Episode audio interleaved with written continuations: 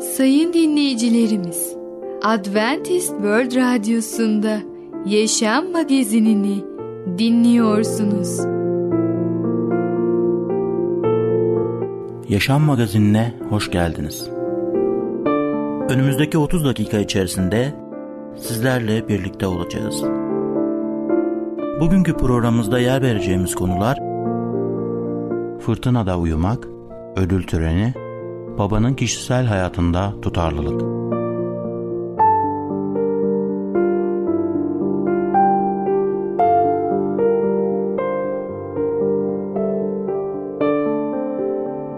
Adventist World Radyosu'nu dinliyorsunuz. Sizi seven ve düşünen radyo kanalı. Sayın dinleyicilerimiz, bizlere ulaşmak isterseniz e-mail adresimiz radio.umutv.org radio.umutv.org Bizlere WhatsApp yoluyla da ulaşabilirsiniz. WhatsApp numaramız 00961 357 997 867 06 00961 357 997 867 06 Merhaba değerli dinleyicimiz. Ben Tamer. Başarılı Yaşam programına hoş geldiniz. Bugün sizlere fırtınada uyumak hakkında konuşacağız. İlk önce Süleyman'ın özdeyişleri 3. bölüm 24. ayeti okuyorum. Korkusuzca yatar, tatlı tatlı uyursun. Siz bir fırtına sırasında uyuyabilir misiniz? İş arayan ergenlik çağındaki bir genç, genç eleman aranıyor diyen bir ilan gördü.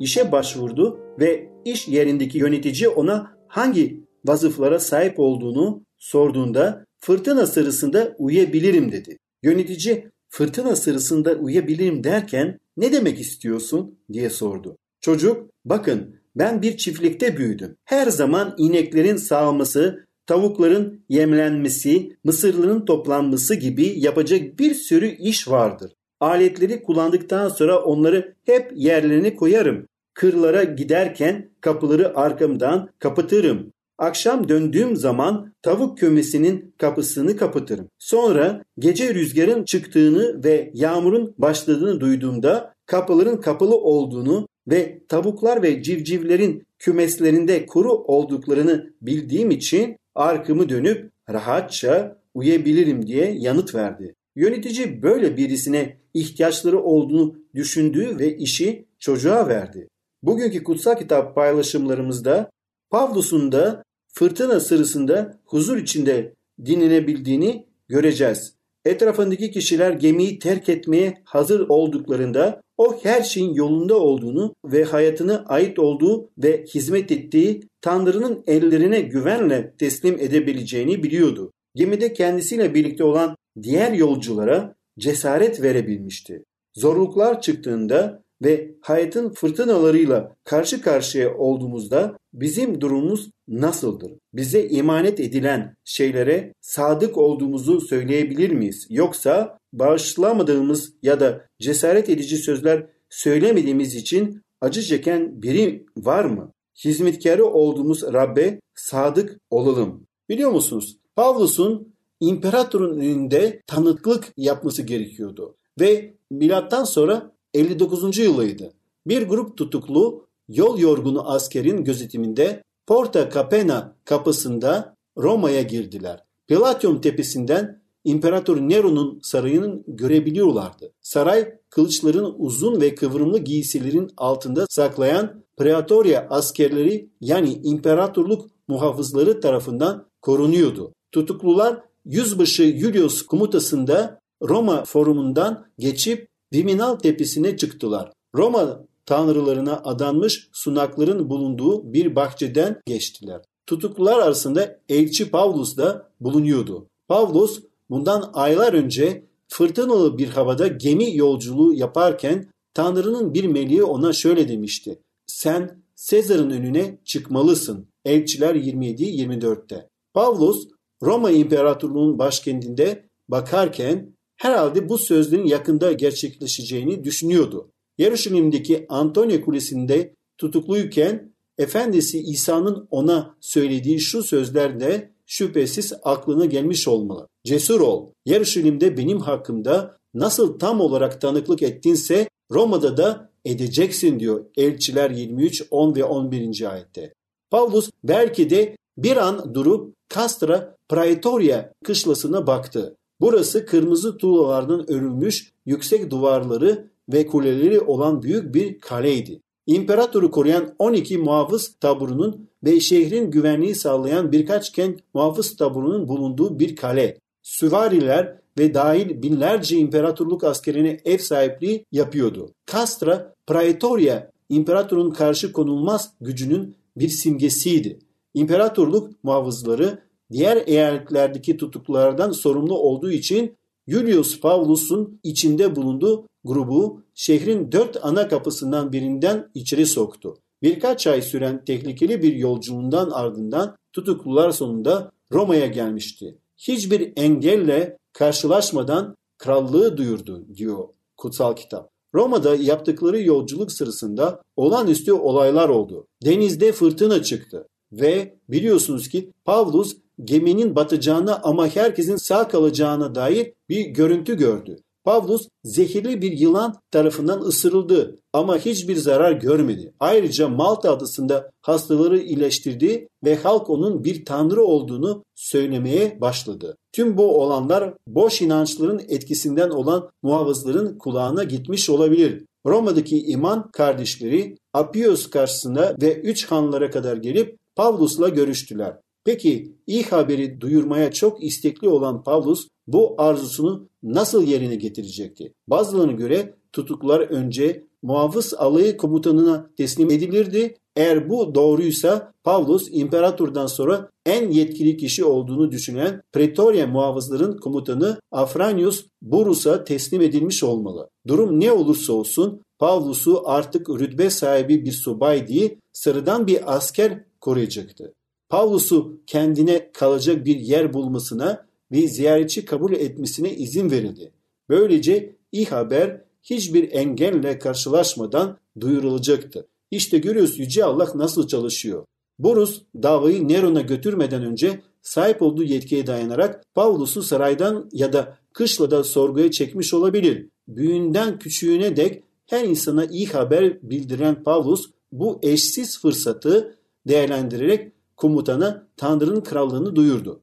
Burus'un Pavlus hakkındaki düşüncelerini bilmesek de onu Pretoria kışlasında hapse attırmadığından eminiz.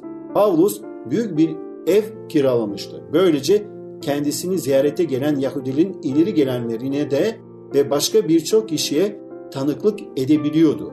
Ve böylece Allah'ın kelamı ve müjdesi yayılabiliyordu. Eğer biz görevimizi yerine getiriyorsak ve Allah'ın istediği gibi yaşıyorsak o zaman ne kadar büyük fırtına çıkarsa çıksın biz o fırtınada Tanrı'ya güvendiğimiz için uyuyabiliriz. Tatlı tatlı uyuyabiliriz. Çünkü bizim inandığımız Tanrı her şeyi gücü eden egemen Rab'dır. Değerli dinleyicimiz, bugün fırtınada uyumak hakkında konuştuk. Bir sonraki programda tekrar görüşmek dileğiyle hoşça kalın. Adventist World Radyosu'nu dinliyorsunuz. Sizi seven ve düşünen radyo kanalı. Sayın dinleyicilerimiz, bizlere ulaşmak isterseniz e-mail adresimiz radio.umutv.org radio.umutv.org Bizlere WhatsApp yoluyla da ulaşabilirsiniz. WhatsApp numaramız 00961 357 997 867 06 00 961 357 997 867 06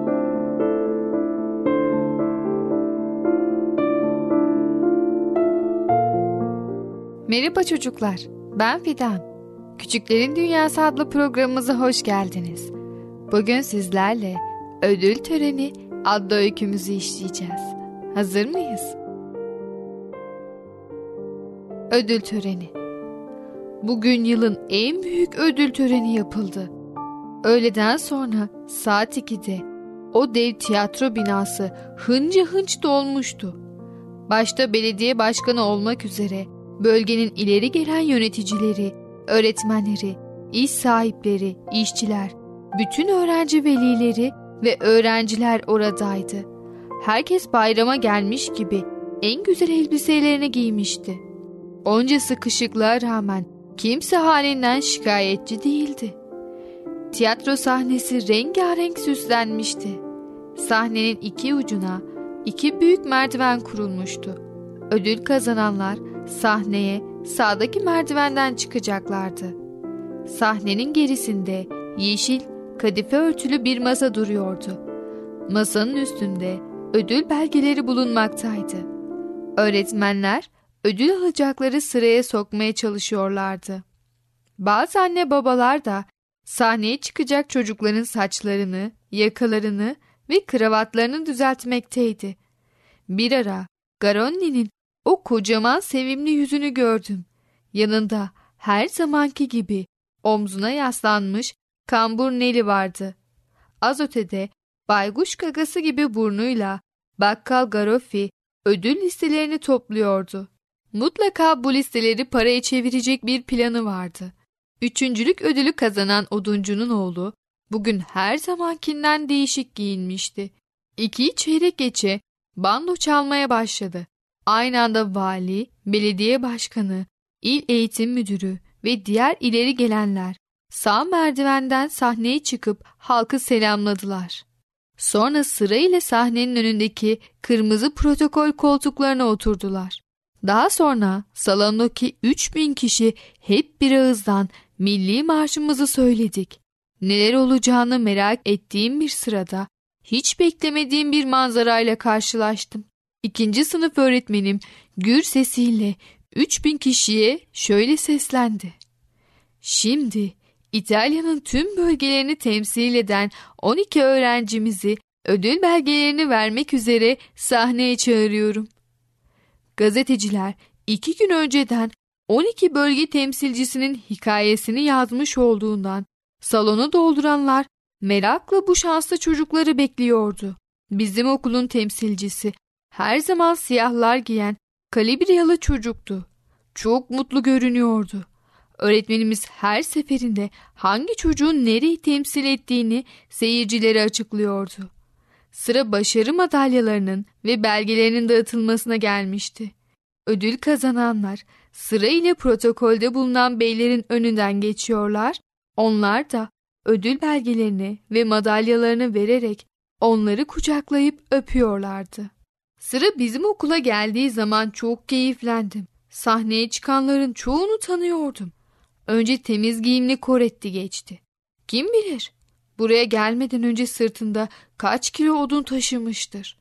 Belediye başkanı ona ödülünü verirken alnındaki çiziğin ne olduğunu sordu. Mutlaka bir odun kıymığı batmıştır. Onun arkasından parlak denizci elbisesiyle Derossi geldi.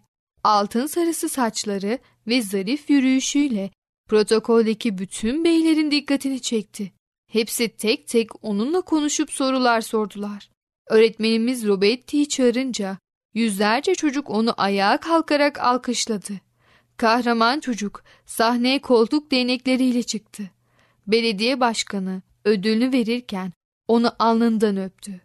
Sonra koltuğun arkasında duran defne dalından yapılmış küçük bir çelenge aldı, koltuk değneklerinden birini astı. Salonda yaşa, bravo sesleri yükseldi. Ödül töreni bitince sahnenin önündeki müzik korosu milli şarkılar okudu. Arkasından vali ve belediye başkanı birer birer konuşma yaptılar. Belediye başkanı öğretmenleri göstererek sizler için çok çalışan, kalplerini size açan, sizi eğitip bu ülkeye faydalı gençler olarak yetiştiren şu güzel insanları selamlamadan buradan ayrılmayın dedi. Bütün öğrenciler ayağa kalkıp öğretmenlerimize el salladık. Onlar da ellerini sallayarak bize karşılık verdiler. Evet çocuklar, bugünkü hikayemizin sonuna da yavaş yavaş geliyoruz. Bugün ne öğrendik? Enrico ödül törenine katıldı öyle değil mi? Bizim de okullarımızda çeşitli ödül törenleri oluyor öyle değil mi? Sizler de güzel ödüller alıp ailenizi sevindirdiniz mi? Bence şimdiye kadar almadıysanız Enrico'nun hikayesinden sonra gayretle çalışıp bir ödül almak için çalışabilirsiniz. Ailelerin ne kadar mutlu olduğunu gördünüz. Sadece aileler değil, öğretmenler de çok mutlu oldu. Evet çocuklar, sizler başarılı olursanız hem aileniz, hem öğretmeniniz, hem de etrafınızdaki arkadaşlarınız hepsi sizinle beraber mutlu olacak. Bu yüzden evet ders çalışmak çok sıkıcı gelse de biraz gayretle bence bunu başarabiliriz. Zorlukla ders çalışan arkadaşlarımızı düşünüp bizler rahat rahat evlerimizde kolayca ders çalışmayı öğrenebilmeliyiz. Sadece ödül değil, daha başka şeyler de öğrendik. Arkadaşını kurtaran çocuk da ödül aldı değil mi? Evet çocuklar, biz de arkadaşlarımız için iyilik yapmalıyız. Onları gerektiğinde zor durumlardan kurtarmalıyız. Bunu ödül almak için değil tabii ki. Öncelikle arkadaşımız, sonra da kendimiz için yapmalıyız. Böylelikle hem toplumun, hem ailemizin, hem de herkesin beğenisini kazanmış, güzel çocuklar olmuş oluruz. Evet çocuklar, bugünlük konumuz bu kadar. Bir sonraki programımızda görüşene kadar kendinize çok iyi bakın ve çocukça kalın.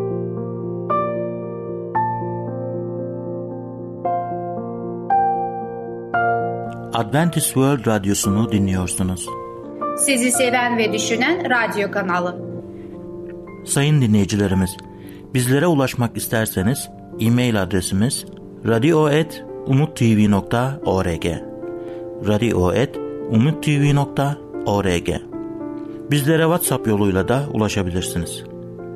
WhatsApp numaramız 00961 357 997 867 06 00961 357 997 867 06 Sevgili dinleyici merhabalar. Ey Babalar programıyla sizlerle birlikte olmaktan mutluluk duyarım. Ben Ketrin. Bugün size konuşmak istediğim konunun ismi babanın kişisel hayatında tutarlılık. Gerçekte sağlam durduklarında çünkü o zaman biz de nerede durmamızı gerektiğini biliriz. Belki durum ve şartlar ne olursa olsun çocuklarımız bizden hep aynı karşılıkların geldiğini görünce bundan etkilenmektedirler. Kendileri doğru olandan daha az olan bir şeye zorlukları halde babaları gerçekten ayrılmadığında ona saygı duyarlar. Babaların bu tutumu onların da gerçekte sağlam durmalarına yardımcı olur. Ne olursa olsun bizi doğru olan yapmaya teşvik ettiğin zaman bazen doğru olan yapmak başka zamanlarda olduğundan daha zordur. Doğru olan yapmak kendileri için zor olduğunda babanın onlara olan sevgisinden ötürü doğru olandan ödün vermesini istemezler. Doğru olana yapış ki biz de destek için sana dayanabilelim çünkü biz doğru olanı yapmayı istiyoruz derler. Hatalı olduğumuzda bizim tarafımızı tutmadığında bu çok şey bildiren bir noktadır. Ama çocuklar hatalı oldukları zaman bunu genelde bilirler. Doğru olanı yapmanın yolunu bulmuşlardır. Hatalarını desteklememiz istiyor gibi göründükleri halde eğer bunu yaparsak hayal kırıklığına uğrarlar. Onlara tutarlı bir şekilde doğru yolu gösteren bir deniz feneri gibi olmamızı isterler ve bundan daha azı onları manen zayıflayıp hasar verir. Kendi üzerinizdeki otoriteye saygı duyduğun zaman babaların otorite altında olan otorite sahibi kişilere olduklarını bilirler. Babanın o yetkiliklere istekle boyun eğdiğini gördüklerinde onun otoritesini kabul etmeye teşvik olunurlar. İster devlet yetkilikleri, ister işveren, ister dua evinde yetkilikler olsun, bizim otoriteye saygı göstermemizi görerek kendilere de ona nasıl saygı göstermeleri gerektiğini anlarlar. Ruh hallerini kontrol altında tuttuğun zaman bir şeyi bir gün yapmamıza izin verip ertesi günü yapmamıza izin vermezlik yapma. Kurallar değiştiğinde kafamız karışıyor. Çocuklarımız bizi her gün nerede bulacaklarını bilmek ve bunun her zaman aynı yer olmasını isterler. Böyle olması onları hem bize zorlama konusunda yaratmaktan, ayartılmaktan hem de iyi bir ruh haline olduğumuzda bizden yararlanmaktan korur.